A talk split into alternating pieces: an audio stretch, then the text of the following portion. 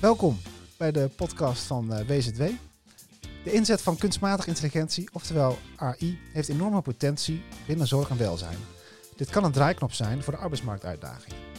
Wordt dat potentieel benut in onze regio of is dit nog een verre droom? Samen met onze leden en partners zoekt WZW naar oplossingen voor optimalisatie van de arbeidsmarkt in zorg en welzijn. En dat is nodig, want de prognosecijfers laten zien dat in 2031 landelijk 140.000 zorg- en welzijnsmedewerkers tekortkomen. Onze leden kwamen met de vraag hoe de sector door de inzet van AI kan worden geoptimaliseerd ten behoeve van de arbeidsmarktbesparing. Daarom duiken we vandaag met jullie in de wereld van de AI. Mijn naam is Willem Rutgers, programmamanager bij WZW. Uh, eerst even stilstaan bij de term AI, voordat ik jullie ga voorstellen, de mensen die aan tafel uh, zitten. Want er is namelijk geen eenduidige definitie uh, voor AI. En de overheid gebruikt de volgende definitie. En ik citeer: Systemen die intelligent gedrag vertonen door hun omgeving te analyseren en met een zekere mate van zelfstandigheid acties te ondernemen om specifieke doelen te bereiken. Nou, dat klinkt uh, wat ongrijpbaar. Uh, en daarom focussen we ons in deze podcast op de toepassingen uh, die de AI, wat voor effect die hebben op de arbeidsmarkt. En samen met drie gasten hier aan tafel gaan we die kansen ontdekken, hoe die regionaal worden ingezet. En ik wil graag voorstellen en heel erg van harte welkom heten Hans van Gestel, lid raad van bestuur bij Driestroom, een van onze leden. Maurice Manier, lector innovatie in de keer bij de HAN. En Josje Verhoeven, directeur bij ROC River en partner van de LearnSpot. Fijn dat jullie er zijn. Dankjewel. Dankjewel. Dankjewel. Regionaal zien we steeds meer mooie initiatieven ontstaan met AI die bijdragen aan de arbeidsmarktontwikkelingen. Graag eh, wil ik met jullie graag uh, wat voorbeelden van AI-toepassingen en ontwikkelingen horen, hoe dat in jullie organisatie, hoe jullie daarmee omgaan. En ik wil eigenlijk graag aan Hans vragen. Uh, wil jij een aftrap doen met wat voorbeelden van toepassingen die jullie toepassen binnen de driestroom? Ja, zeker. We hebben verschillende toepassingen op dit moment al lopen. Zowel binnen de zorg, dus in, het, in de directe zorg. En zeker ook in de ondersteuning. denk aan de zorgrobot Tessa. Die met wat, met, met wat programmatuur toch al wat voorspellend probeert te zijn in gedrag van mensen. we hebben slimme incontinentiemateriaal, waarbij we ook gaan kijken naar, het slim inzetten. Zowel voor welzijn van onze cliënten als arbeidsbesparend voor de medewerkers. Um, maar dat zijn echt wel zaken die we verder willen gaan, gaan onderzoeken. En we willen ook de mogelijkheden van AI in de ondersteunende processen ook op zeer korte termijn verder gaan exploreren. En waar, waar moet je dan aan denken bijvoorbeeld? bijvoorbeeld bij het plannen van, van de capaciteit, de roosterprocessen. dat kan echt veel slimmer. Het, het, opmerken van verzuim we kunnen ook, zeg maar, door informatie die we hebben, uh, kunnen wij de risicofactoren van mensen die um, ja, uit balans dreigen te raken, die kunnen wij naar boven halen om, om voor verzuim al het gesprek aan te gaan. met behulp van AI hebben we daar extra tooling voor. Ja. Um, Maurice, zou je wat kunnen vertellen? Want jij bent, je gaf al aan, jij bent ook onderzoeker bij de HAN wat van onderzoek en ontwikkelingen die er bij de hand zijn op het gebied van AI? Jazeker. er zijn uh, op dit moment uh, eigenlijk heel erg veel ontwikkelingen gaande binnen de hand op het gebied van AI of uh, inzetten van data. Ten eerste is het goed om te zeggen dat we net een nieuw koersbeeld hebben bepaald binnen de HAN.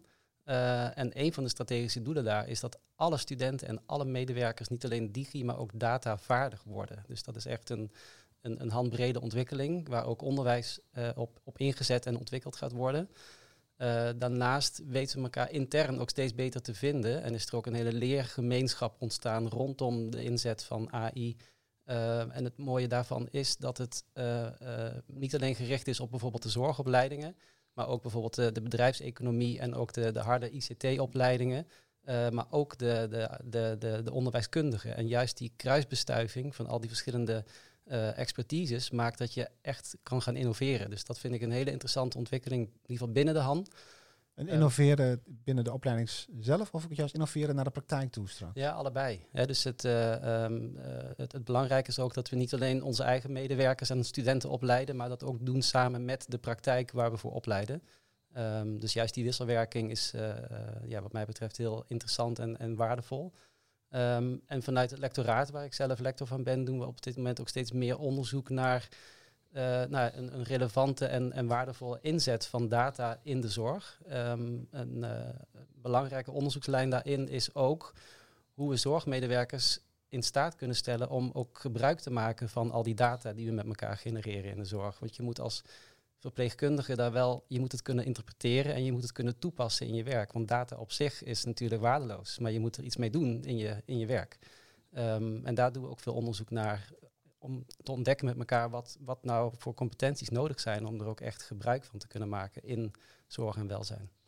En ik wil je ook zeggen dat ten behoeve van de, van de straks dat ze in het werkveld komen, hoe is de relatie dan met de, de, de organisaties waar die mensen ook waar je studenten ook terechtkomen? Hoe doen jullie dat? Ehm, ja, we, we, werken daar steeds meer met langdurige samenwerkingen, zodat we ook voort kunnen bouwen op inzichten die we met elkaar opdoen. En we proberen ook echt meer, meerdere jaren samenwerking op te zoeken met organisaties in de regio, waaronder ook met de Driestroom. Um, zodat we ook kunnen leren van ervaringen en weer voor, voor kunnen, bouwen, kunnen bouwen op die ervaringen. Um, en dat is vanuit verschillende invalshoeken te doen. Dus ook bijvoorbeeld de, de, de logistiek van de zorg is iets wat, waar ook data zijn, zijn meerwaarde kan hebben. En daar moet je ook naar kijken. En als je dan teruggaat naar mijn eerste vraag aan jou, van in hoeverre is dat ook ten behoeve van de arbeidsmarktontwikkelingen? Hoe zie jij daar AI? Vanuit uh, jouw rol en jouw perspectief? Ik denk dat we dat echt in de breedte moeten gaan aanpakken, omdat die arbeidsperspectieven... Uh, nou ja, dusdanig urgent zijn dat we daar stappen moeten gaan zetten. En dat kunnen we niet in, in ons eentje. Maar daar gaan we straks gaan, gaan we dadelijk, in gesprek. Gaan we daarover in gesprek. Josje, jij, uh, jij gaf wel aan, hè, je bent hier niet alleen als directeur van RC River, maar je zit er ook uh, namens de LearnSpot. Um, en op jullie site zie je ook dat jullie ook al een soort eh, Valley, Silicon Valley-achtige setting hebben. Hè? Dus uh, de Netflix uh, voorspelbaarheid zit in jullie systeem. Ik ben wel heel precies. Ja, zou je wat meer willen toelichten? Wat is nou de LearnSpot precies? En wat, wat doen jullie en hoe zie je dat ook met AI? Het is een project samen met partners uit de regio, met Next Learning Valley, grote ja, leverancier van online leren platform, maar eigenlijk al veel meer dan dat. En Avans Plus, uh, een HBO-leverancier die al ver is in uh, nou, modulair en op een andere manier onderwijs aanbieden. En wat wij uh, voor ogen hebben is eigenlijk meer Spotify. en als je het dan hebt over, je zei net Netflix, maar Spotify heeft eigenlijk de mogelijkheid om een CD op te halen. oftewel een, een soort diploma-route voor een werkgever. Maar je kan daar ook je eigen favorietenlijstje maken en dan kan je ook delen met elkaar. Uh, en dan kan je ook uh, aan iemand geven die er niet op zit te wachten, die vervolgens denkt, oh best interessant wat ik daar hoor. En Spotify genereert allerlei data uh, uit dat delen en met elkaar omgaan. Waardoor je opeens een concert aangeboden krijgt van Anouk en denkt, wat leuk, ze weten dat ik gek ben op Anouk. En er staan dan nog 10.000 andere mensen, dat zijn allemaal gelijkgestemden, die op hetzelfde moment allemaal zin hadden in Anouk. Ofwel misschien kan je zo wel een hele grote stap maken naar allerlei behoeften uh, aan leren, maar ook uh, verder leren, doorstromen, opstromen, zij-instroom. Nou, dat beeld hebben we voor ogen met de LearnSpot. Jullie noemen dat ook moderne, het moderne onderwijsmodel, hè, wat ik zo snel las. Ja. Hey, en ik, wil jou zeggen, de, de, ik krijg iets aangeboden waarvan men weet dat dat vind ik leuk. Is het ook andersom dat je een suggestie kunt krijgen van iets wat je misschien zelf niet zag aankomen, maar toch voor jou heel interessant kan zijn? Ja, ja, ja. En, en, het kan ook zo zijn dat de werkgever tipt van uh, het zou voor ons interessant zijn als je dit gaat doen. Uh, en het gedrag in dat platform is natuurlijk wat wij uh, aan het monitoren zijn van wat gebeurt er. En dan even een van de, ja, ja, wat zijn dan de voorbeelden die wij hebben, is bijvoorbeeld dat wij niet voorzagen dat als je dit doet met mensen die in de nachtdienst zitten, dat die ook s'nachts leren. Waarop je vervolgens de vraag krijgt, moeten wij dan ook s'nachts begeleiden? Want wij zijn een onderwijsinstelling, daar gaat echt een keer de deur dicht om een uur of negen s'avonds. Maar in de zorg gaat het door. Ja. Dus uh, je krijgt hele nieuwe vraagstukken van en hoe doe je dat dan? En, en hoe doe je dan begeleiding? En uh, hoe doe je online en offline? En uh, wie is waarvoor verantwoordelijk? En onderwijs is eigenlijk niet meer van een onderwijsinstelling, maar van ons allemaal. Dus alle partners hierin zijn net zo goed onderwijs als ehm, moderator, als data-analyst. Als, nou ja, ik kan zo Het zijn allemaal nieuwe beroepen. Mooi. Ja, ik zie je helemaal enthousiast worden. Um, nou, is nog niet af, hè? Dus, nee, die zijn in ontwikkeling. Ja, wat is de status dan? Misschien is dat wel goed om even Ja, we zijn een, eh, een, eh, goed jaar bezig. En de eerste uh, producten zitten nu in dat uh, landschap, zou ik bijna zeggen. En dat zijn producten zowel uit, van de werkgeverskant als vanuit, vanuit de onderwijskant. En die zijn eigenlijk op gelijkwaardig level. Dus de een is niet meer eigenaar dan de ander. Eh, en we zijn nu aan het kijken hoe vul je dat veld zo snel mogelijk. Ik En ben ook wel eens daar benieuwd hoe, eh, hoe jullie daar tegenaan kijken. En misschien jou, Hans, vanuit, vanuit jouw werkgeversperspectief. Ehm, zoals ik al aanhaalde bij de intro, eh, er zijn heel veel uh, medewerkerstekorten in de sector. En, en ja, we zie, voorzien dat dat ook alleen maar toe gaat nemen de komende jaren als we blijven doen zoals we het nu doen. Dus dat is denk ik wel een belangrijke kanttekening die we hierbij moeten plaatsen. Um, en ik ben heel erg benieuwd, is AI de oplossing straks? Gaat dat echt helpen bij de tekorten die we, die we zien? En hoe zien jullie dat? Het is gewoon een open vraag. Ik leg hem op tafel. En ik zou zeggen, pak op de handschoen die je op, op wil pakken. Nou, wat mij betreft is het een van de instrumenten. Uh, wat belangrijk is, um, is dat je een cultuur binnen de organisatie uh, uh, creëert en vasthoudt die uitnodigend is voor mensen om samen te werken. En dat ze ook graag willen blijven en werken voor, zeg maar, samen met collega's en mensen. En met, met in ons geval mooie cliënten. Dat is denk ik de basis. En dan heb je met AI kun je het vooral ook heel veel gemakkelijker maken en veel meer to the point uh, op het juiste moment de juiste uh, acties inzetten. Kunnen we veel, veel specifieker uh, gaan doen. En dan nog steeds onze organisatie waarin juist contact, echt contact, een belangrijk asset is. kun je dat verder blijven vasthouden. En bedoel je daarmee dat de tijd open, overblijft voor het echte contact, omdat je de andere zaken geoptimaliseerd hebt? Precies. Je gaat echt alles eromheen, uh, ga je ondersteunen, zoveel mogelijk met uh, technologie. En dan hou je dus maar eigenlijk uh, ja, de, de dure tijd hou je over voor gewoon contact, gesprekken, daar waar technologie nog niet kan ondersteunen. Ja, want ik hoorde jou straks zeggen, slimme, slimme luier of ja. incontinentiemateriaal ja. en ook Tessa. Ja. Zijn er voorbeelden die je nu nog niet hebt waarvan je denkt, nou daar gaan we straks wel naartoe? Of daar, daar droom ik van nu? Nou ja, we hebben, uh, ik ben zelf op dit moment bijvoorbeeld uh, Italiaans aan het leren met Duolingo, ken je misschien ook. Uh, ik vind dat fantastisch, maar ook daar is een heel adaptief leersysteem waarbij je, uh, waarbij je ook zeg maar, op een hele simpele manier ook mijn gedrag wordt beïnvloed. Hè ik krijg elke dag uh, krijg ik, uh, een jam om in ieder geval elke dag eventjes erop te zitten. En dat wil ik ook heel graag, want ik wil natuurlijk bij de top 10 horen. Um, zoiets kun je bij ons, zeg maar, juist bij gedragsmoeilijke cliënten, kun je dat soort apps, allemaal gebaseerd op AI, kun je gaan, in, gaan invoeren om mensen zeg maar, te gaan nutchen om uiteindelijk naar een gewenst gedrag te gaan. Zover zijn we nog lang niet. Uh, als ik kijk naar een Tessa, dat is nog steeds zeg maar een, ja, nog niet echt AI, want het is nog niet echt voorspellend. Het is nog steeds programmeren. Um, en een, bijvoorbeeld een dagritme erin zetten, maar niet lerend van, uh, van het ritme van de, van de bewoner. Um, maar die kant wil je wel in. En dan steeds met het oog dat, dat zo'n bewoner, of de mensen die wij ondersteunen, dat ze het ook zelf willen. En dat ze zien dat daar de toegevoegde waarde voor ligt. Ik denk dat je daar nog een uh, angstbrug moet nemen. Vertel. Um, nou, ik, ik zit te luisteren en denk, ja, als uh, medewerkers zo met die producten eigenlijk moeten gaan werken, dan is het dus heel nuttig. Dus ik ben nog overtuigder van wat wij binnen de lunchpool doen.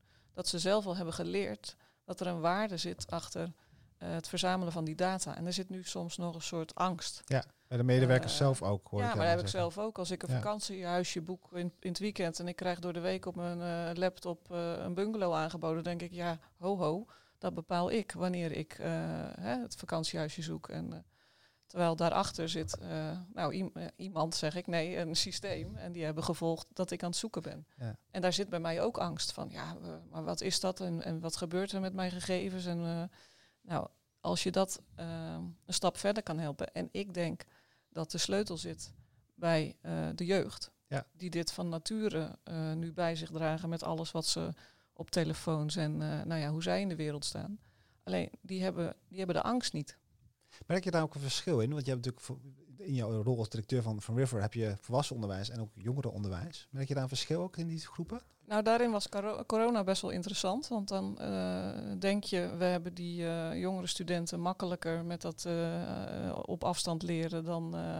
nou, dat bleek helemaal niet zo waar. Hè? Dus de, de doelgroep die al aan het werk is, bleek eigenlijk waarschijnlijk vanuit de motivatie en het belang van ik wil in de zorg betrokken zijn. Dus ik ga op een andere manier aan mijn onderwijs komen. dus dat was eigenlijk een soort tegenvaller in die zin. Maar wij testen in dit project wel juist ook de reguliere bolstudent die van een VMBO-school afkomt. En, en hoe gaat dat?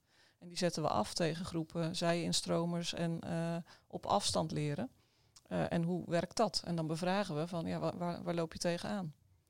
En dan zijn er een aantal dingen die zijn waar en er zijn heel veel aannames. Ja, dus ik hoor jou zeggen, het is ook investeren en dat, dat, Hans dat ook gaat beamen, maar je moet investeren op de mensen om, om digivaardiger te worden of ook, ook, meer het vertrouwen te krijgen in, in de technologie. Daar zit wat angst. En ik stelde ook de vraag van, goh, in hoeverre levert het een bijdrage wellicht aan de tekorten in de toekomst? Zie je daar ook een, een rol voor AI weggelegd? Ja, anders waren wij niet aan, aan dit uh, project begonnen. Dat, dat had zijn oorsprong jaren geleden toen die tekorten kwamen, zou ik maar zeggen, nog helemaal niet zo groot waren als nu. Uh, waarvan die partners zeiden van ja, we hebben allerlei uh, eigen content en er zijn mensen aan, zij-instromers aan het ophalen en die gaan door. hoe doen we dat nou slim met elkaar? Daar kwam het een beetje vandaan. En kan dat sneller en kan dat efficiënter?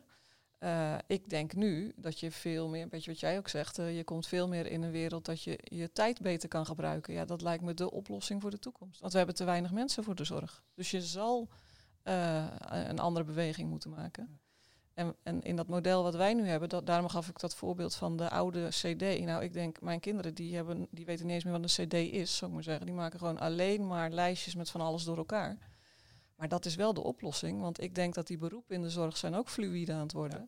Dus als jij er als verzorgende ingaat en als uh, verzorgende facilitair medewerker en begeleider in de uh, maatschappelijke zorg uitgaat, ja, dat, dat kan allemaal in dezelfde omgeving.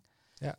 Maar dat kan nu nog niet in ons uh, systeem denken. Nee, maar je bent al vroegtijdig begonnen met de voorbereidingen daarop. Ja, ja en dan moeten al die werelden wel mee uh, openbreken. Dus ik herken wel van je kan ergens beginnen en dan, um, nou, dan doe je een start. Maar die pilots en dat, dat meten en uh, bijhouden als onderzoeker, denk ik ook, van wat gebeurt er en waar zitten de successen.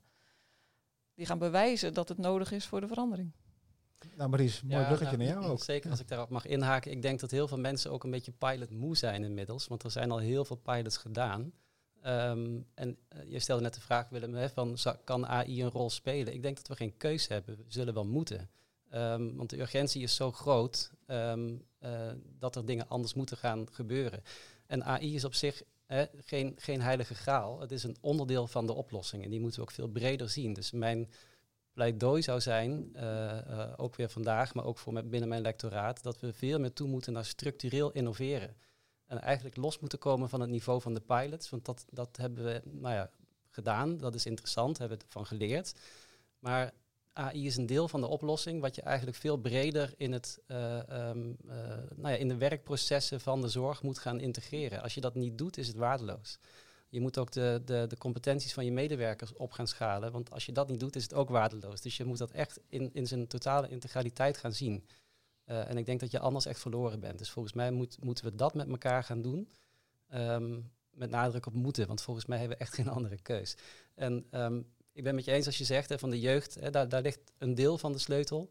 Maar ook bij management, daar ligt ook een heel belangrijk onderdeel van die sleutel. Want die moeten ook die taak gaan oppakken. Nou, we hebben een manager, ja, of bestuurder aan tafel. Maar hoe kijk jij daar tegenaan, Hans? Ja, dat klopt. Uh, ik heb inmiddels geleerd uh, en ervaren dat ik, uh, hoe, hoe, hoe, hoger je in de boom komt, hoe minder je invloed je hebt. um, dus um, ik geloof heel erg in de kracht van de basis. Um, dat het pas echt gaat draaien als het in de praktijk ergens gewerkt heeft. Dus uh, waar we met Riestroom heel erg mee bezig zijn, is toch echt gewoon vanuit de basispraktijk goed kijken naar urgentie. En naar ergens een casus waar we zeggen van uh, hier knelt het. Dus hier zouden we medewerker, cliënt uh, voordeel bij kunnen hebben. En daar gaan we kijken of we een innovatie kunnen plegen. En dan zie je dat het gaat werken. Wat niet werkt is zeg maar een een mooie innovatieagenda maken op directieniveau, die accorderen en die uitrollen over uh, de organisatie. Uh, dan komt er gewoon niks van terecht. Dus wij doen het echt precies andersom. Uh, wij hebben ook, uh, ook in onze huidige strategie, en we zijn ook bezig met een nieuwe strategie, innovatie bijvoorbeeld niet als specifiek item, omdat we vinden dat het overal geïntegreerd in moet zijn. Dus zowel in arbeidsmarktproblematiek als in innovatie van uh, nou, sociale innovatie en ICT-innovatie van onze zorgverlening, uh, het wijkgerichte werken. Eh, dat, zit, dat moet overal in, ingebed zijn in al onze eh, bewegingen vooruit. Eh, en eh, ja, dan zie ik ook wel dat eh, eh, zelfs eh, zorgmedewerkers eh, en cliënten en hun eh, verwanten daar enthousiast over worden. En wij zijn een vereniging en wij werken regionaal. En eh, ik ben ook heel benieuwd wat voor toepassingen zou, zien jullie, of welke kansen zien jullie voor AI in de regio? Dus in de samenwerkingen wellicht, of anderszins. Ja, als ik daarop kan reageren. Ja, wat je de laatste tijd steeds meer ziet, is dat we elkaar regionaal beter weten te vinden. En dat vind ik een hele goede ontwikkeling. Ehm, hè, er zijn regionale AI-hubs eh, ontstaan, ook in, aan, de, deze kant van het land, maar ook aan andere, eh, andere provincies. Ehm, dus je ziet samenwerkings, eh, ehm, eh, nou ontstaan op regionaal gebied. En ik denk dat dat heel krachtig is, maar dat je ook van, van andere regio's kan leren en ook op Europees niveau kan leren. Ehm, en waar ik net ook mee begon, dat we ook intern van mekaars disciplines leren. Want daar liggen zoveel mogelijkheden. En ik denk dat, eh, dat het echt nodig is om daar meer open voor te staan. En, en in, in die samenhang ook dingen anders te gaan doen dan we al gewend waren te doen. Oké, denk dat daar nog één. Je zei, je zei net pilotmoe. Mhm.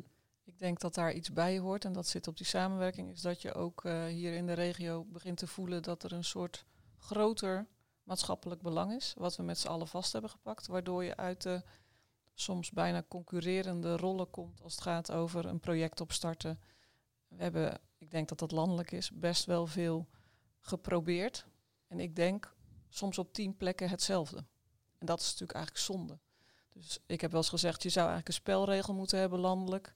Dat als je een project opstart, dat je altijd verder gaat dan het project voor jou is geëindigd. Zodat je altijd een stap verder komt.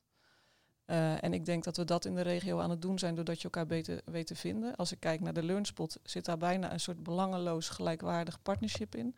Zit gedeeltelijk ook in een subsidie die je even hebt gekregen om het aan te jagen. Maar iedereen heeft daar ook een cofinanciering in gelegd, waardoor je gelijk ja, van de voorkant af aan al hebt gezegd: oké, wij doen mee, wij leveren en we, en, ja, we tikken samen af. En betrokkenheid daardoor. ongeacht het resultaat eigenlijk. Hè? Ja, en dan kon jullie ook allebei zeggen, samenwerking is van cruciaal belang. Hè? Jij gaat nog een stap verder, ook internationaal ook eh, kijken hoe die samenwerking tot stand kan komen en hoe we kunnen leren wat Zeker. daar plaatsvindt. Ja. Ik hoor jou zeggen, er wordt ook al heel veel gedaan, landelijk, regionaal. En, en laten we daar ook gewoon van leren met elkaar. Ja. En, en dat, niet alles opnieuw wiel opnieuw uitvinden. Nee, je vroeg net, is het een oplossing voor de problemen in de zorg? Daar is gedeeltelijk natuurlijk de oplossing dat je je eigen oplossing soms los moet laten. Ja. Om het, de echte oplossing te vinden.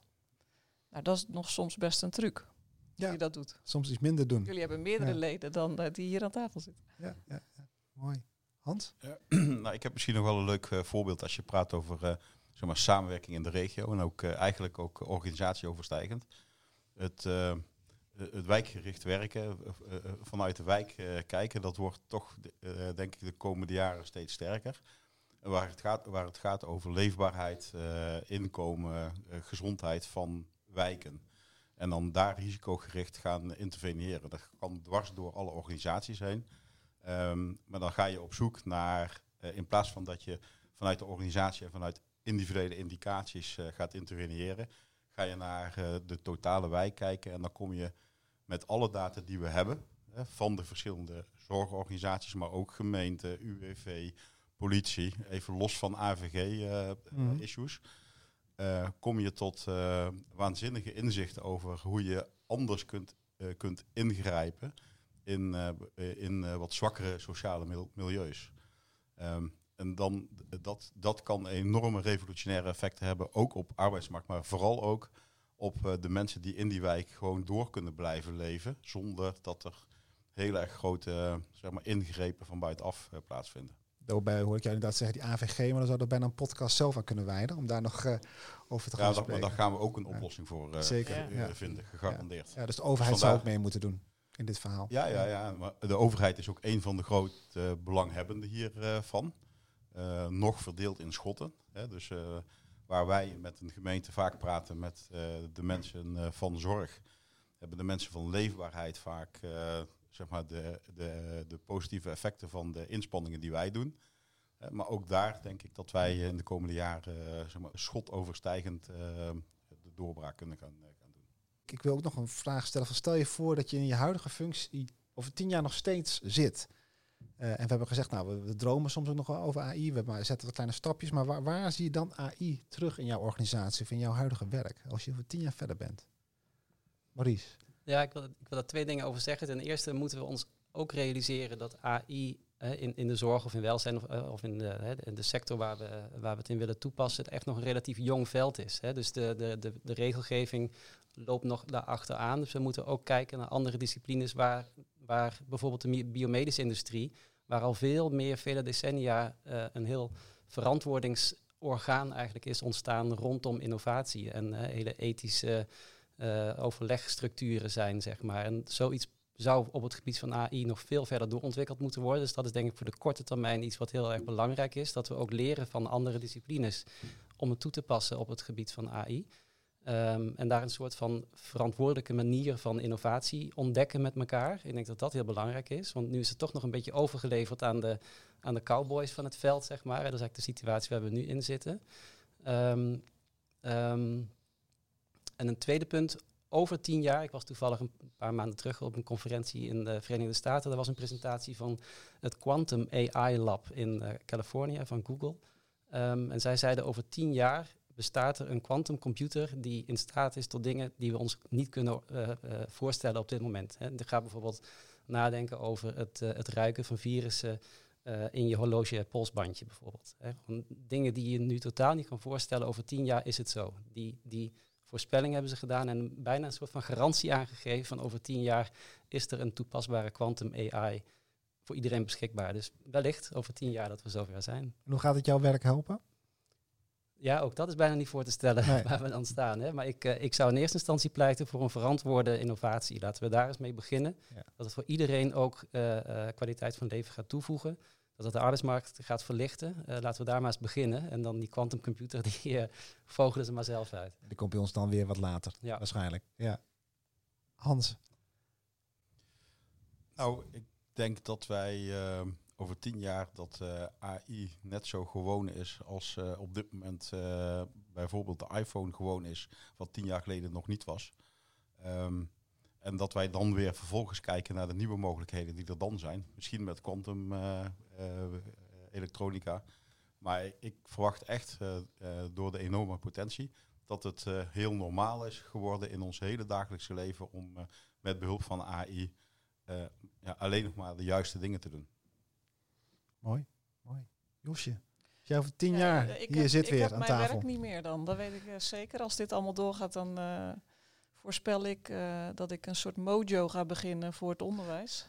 En dat ik de artiesten zorg eh, te hebben, zodat ik nog concertreeksen kan geven. En de rest is niet meer aan het onderwijs. Sta je backstage. Dus ik- ja, en ik, ik, ga, ik ga me omscholen, denk ik, ook in een of ander nieuw platform. Zodat ik nog wel mijn hypotheek kan betalen. dat denk ik. Ja, mooi, mooi. Hey, nou, de regio is ook al deels met AI aan de slag. Daar hebben jullie ook al wat voorbeelden eh, van gegeven. Eh, en zo biedt WC2 ook arbeidsmarktprognoses aan, aan, aan haar leden. En hebben ook leergangen data gedreven HR. Eh, dus, dus ja, er gebeurt ook het een en ander bij ons als vereniging. En, en dus ook ja, overal in de regio. En er kan nog veel meer met AI. Dat hoor ik jullie ook zeggen. En er gaat ook nog veel meer komen. Ehm, en vandaar dat we de komende periode ook met onze leden en partners gaan onderzoeken waar de kansen liggen en wat die ook precies zijn. Ook waar de behoeften liggen in de regio om mee aan de slag eh, te gaan. Dus eh, daar komen we op terug. Als jij als luisteraar daarvan op de hoogte wil blijven, ga vooral ook naar de website wz2.nl eh, en, kijk wat we daarin doen. Ehm, Josje, ehm, Hans en Maurice, mag ik jullie ontzettend bedanken voor jullie tijd en deelname aan dit gesprek. En ik, beste luisteraars, ik hoop dat jullie geïnspireerd zijn geraakt met deze podcast en dat jullie daar wat uit kunnen halen. En eh, graag tot de volgende keer.